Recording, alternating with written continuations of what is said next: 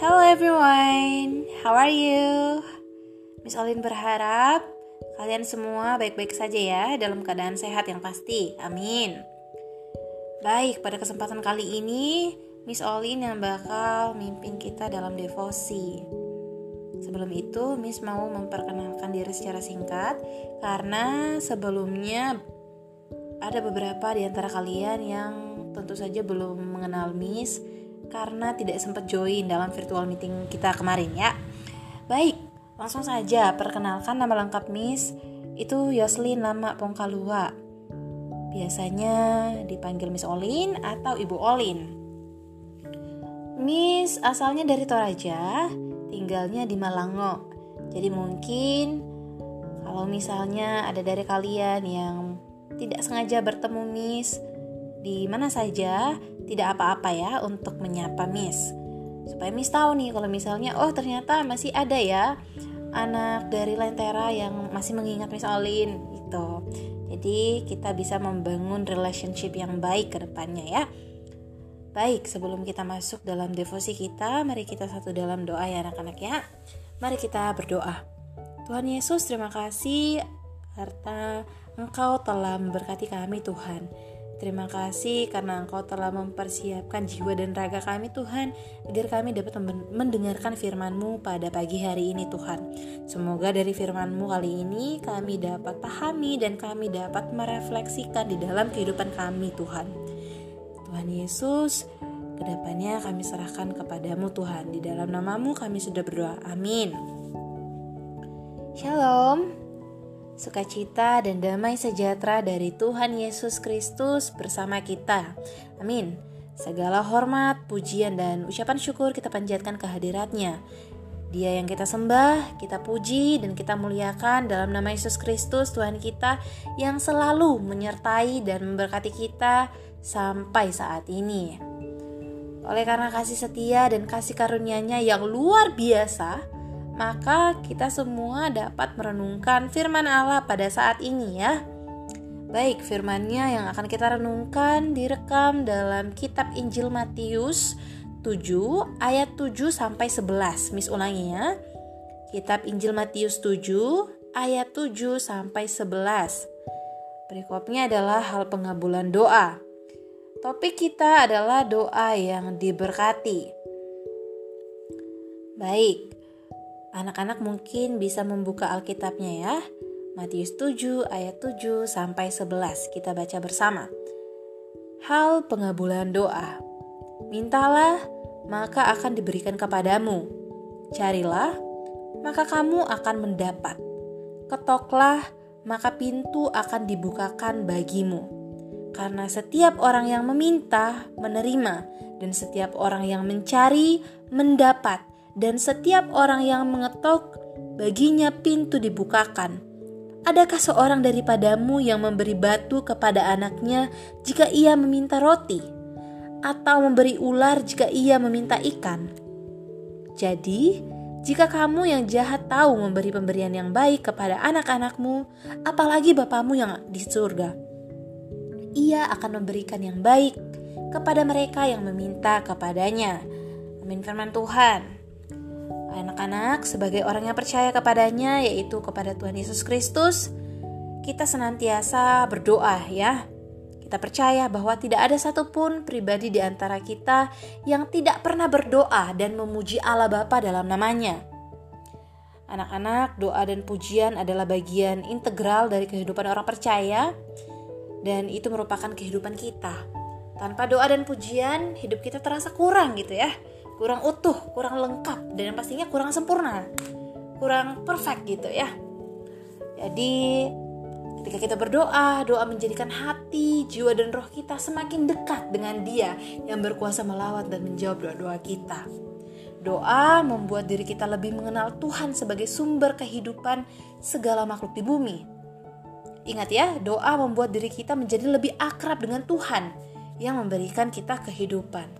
Karenanya, banyak pribadi yang berdoa dengan iman yang teguh, beribadah, memohon, memuji, dan memuliakan namanya dengan setulus hati dan segenap jiwa. Baik anak-anak, Miss Olin akan menekankan tiga kata kunci dalam berdoa. Nah, sekarang marilah kita mulai menyimak dan mempelajari ayat-ayat firman Tuhan yang menjadi dasar renungan kita. Dalam kitab Injil Matius 7 ayat 7 sampai 8 yang sudah kita baca bersama-sama tadi, ayat-ayat firman tersebut merupakan salah satu ayat yang sangat populer ya di kalangan orang percaya. Berdasarkan ayat-ayat itu, kita mendapati ada tiga kata kunci pertama. Yang pertama itu uh, mintalah. Yang kedua carilah dan yang ketiga ketoklah. Jadi ada tiga kata kunci yang Miss tekankan di sini. Mintalah, carilah, kemudian ketoklah. Nah, Miss akan menjelaskan di bagian mintalah dulu ya. Nah, firman Tuhan mengatakan, "Mintalah maka akan diberikan kepadamu." Dan karena setiap orang yang meminta menerima, penggalan firman ini menyatakan bahwa jika seseorang meminta sesuatu kepada Tuhan dalam doa dan iman yang teguh, maka Tuhan akan memberi. Karena barang siapa memohon dalam doa dengan iman yang teguh, maka Tuhan Yesus Kristus akan melawat dan menjawabnya. Oleh sebab itu anak-anak, janganlah kita ragu uh, ketika kita berdoa kepada Tuhan. Janganlah kita bimbang memohon kepada Tuhan. Karena Doa adalah permohonan atau permintaan kepada Allah Bapa dalam nama Yesus Kristus Tuhan kita. Jadi kita harus menyiapkan hati kita, fokuskan hati kita dan pikiran kita, berdoa dengan tulus hati kepada Tuhan. Karena dengan kita berdoa dengan tulus hati, niscaya Tuhan akan melawat dan menjawab doa-doa kita pada waktu yang tepat ya. Berdoalah dengan sungguh-sungguh kepada Dia, berdoalah dengan iman yang teguh kepada Tuhan Berdoalah, berdoalah, dan berdoalah kepada Tuhan dalam iman, ibadah, pujian, dan ucapan syukur. Ingat ya anak-anak, berdoalah dan mintalah dengan menyembah, memberi persembahan dan pelayanan kepada Yesus Kristus Tuhan kita. Percayalah, imanilah, pada waktunya dia akan menolong dan memberkati kita semua. Haleluya, amin. Kemudian, Miss akan menjelaskan di bagian carilah Kata kunci yang kedua yaitu carilah. Sejatinya Tuhan Allah kita ini sudah memberikan segalanya kepada kita meskipun kita belum atau bahkan kita tidak meminta kepadanya ya. Jadi Tuhan sudah memberikan modal yang sangat luar biasa kepada kita. Di mana Tuhan itu memberikan kita tubuh yang lengkap dengan anggota-anggota tubuh seperti tangan, kaki, telinga, hati, dan semuanya. Semuanya itu adalah modal bagi kita untuk mencari segala sesuatu yang sesuai dengan perintah dan firman-Nya. Kita juga diberikan perasaan, pikiran, hikmat, akal budi, dan perasaan untuk dipergunakan mencari segala sesuatu yang baik, lebih baik dan terbaik sehingga berkenan di hati Allah. Kita diberi Tuhan modal hati yang penuh kasih, sukacita, dan damai sejahtera kita juga dikaruniai kesabaran, keadilan, kemurahan, kebaikan, kesetiaan, kelemah lembutan, dan tentunya penguasaan diri. Semuanya itu diberikannya kepada kita sesuai uh, dengan kepercayaan Tuhan kepada kita. Semuanya itu diberikan Tuhan kepada kita supaya kita dapat berbagi dan tidak hanya meminta dan menerima. Selain itu anak-anak, uh, yang satu ini adalah yang lebih penting, sangat penting dan terpenting dari semua itu, yaitu firman Tuhan. Di mana Allah sudah memberikan firman di mana Allah sudah memberikan firman yang hidup. Mungkin anak-anak bingung ya, firman yang hidup itu siapa? Jadi firman yang hidup itu adalah Dia, Tuhan, Tuhan Yesus yang menjadi penebus bagi kita, Sang Juru Selamat kita. Firman hidup yang membawa sukacita dan damai sejahtera. Karena memang Dia yang harus terus kita cari, lalu hanya kepada Dia kita memohon sehingga Dia dapat tinggal di dalam hati kita ya. Jadi karena itu Carilah maka kamu akan mendapat dan setiap orang mencari mendapat. Nah, ayat ini dimaknai bahwa kita memang harus berupaya, berusaha atau bekerja dengan sebaik-baiknya dalam namanya untuk menyiapkan lawatan dan jawaban uh, Tuhan bagi kita ya. Oleh sebab itu anak-anak jika kita berdoa maka upayakan dan usahakan kita itu bekerja juga. Jangan hanya berdoa tetapi kita tidak melakukan apa-apa. Kita bermalas-malasan tidak ingin bekerja. Ya. Jadi kita harus tetap bekerja, berusaha ya. Percayalah bahwa dengan berdoa dan bekerja, maka segala upaya dan usaha kita itu tidak akan sia-sia anak-anak. Tetapi jika kamu hanya tekun berdoa tetapi tidak bekerja, hanya bermalas-malasan ya sama saja, ya kan? Karena Allah sendiri yang akan menolong dan memberkati orang-orang yang menabur dengan cucuran dan derayan air mata. Jadi ingat, berdoa dan bekerja. Kemudian kata kunci yang ketiga yang Miss ingin sampaikan adalah ketoklah. Nah, di dalam penggalan firman Tuhan tersebut yang sudah kita baca tadi itu menyiratkan bahwa seseorang yang mengetuk pintu berarti dia berada di luar ya. Ketika seseorang mengetuk pintu, berarti dia sudah di dekat pintu. Ia sudah di dekat pintu hati Tuhan maksudnya. Karenanya ketuklah pintu hati Tuhan supaya kita dapat tinggal atau dia di dalam dia, diam di dalam dia. Sebaliknya, jika Tuhan Yesus Kristus sudah mengetuk pintu hati kita, anak-anak, maka segera bukalah pintu hati kita agar Tuhan masuk dan diam di dalam hati kita.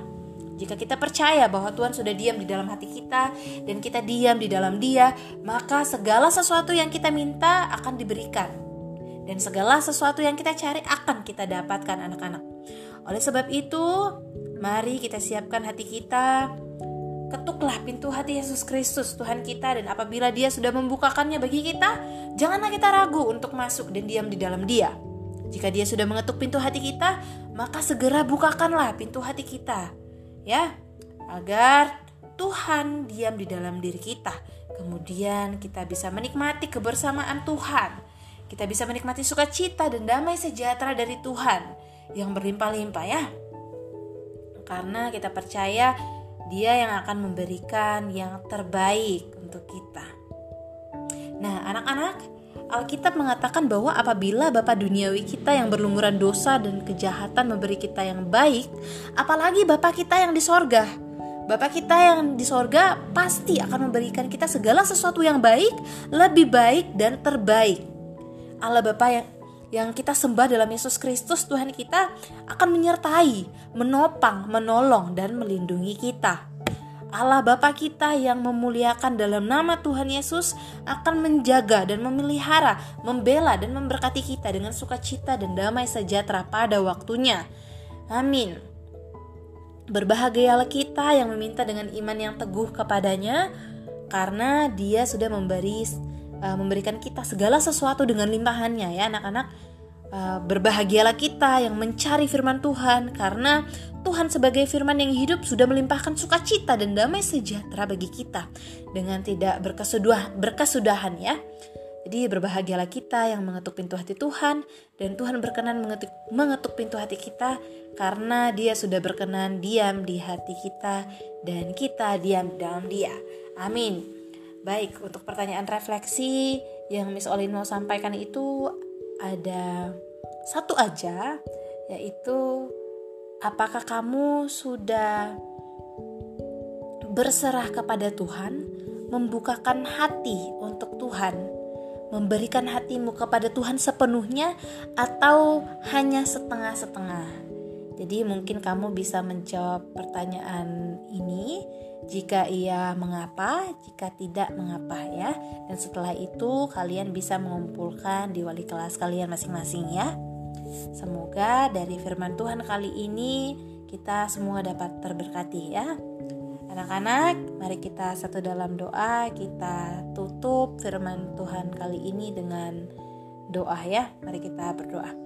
Tuhan Yesus, terima kasih karena Engkau telah memberkati kami uh, sehingga kami dapat mendengarkan devosi dan kami dapat menambah pengetahuan baru dari firman-Mu ini Tuhan. Semoga dari devosi kali ini Tuhan kami dapat merefleksikan dengan baik Tuhan dan kami sadar bahwa betapa pentingnya kami untuk uh, membuka diri di hadapan-Mu ya Tuhan, menyerahkan hati sepenuhnya di hadapan-Mu Tuhan. Tuhan, aktivitas selanjutnya kami akan serahkan ke dalam tangan-Mu Tuhan. Di dalam namamu kami sudah berdoa. Amin. Terima kasih ya. Baik, sampai jumpa.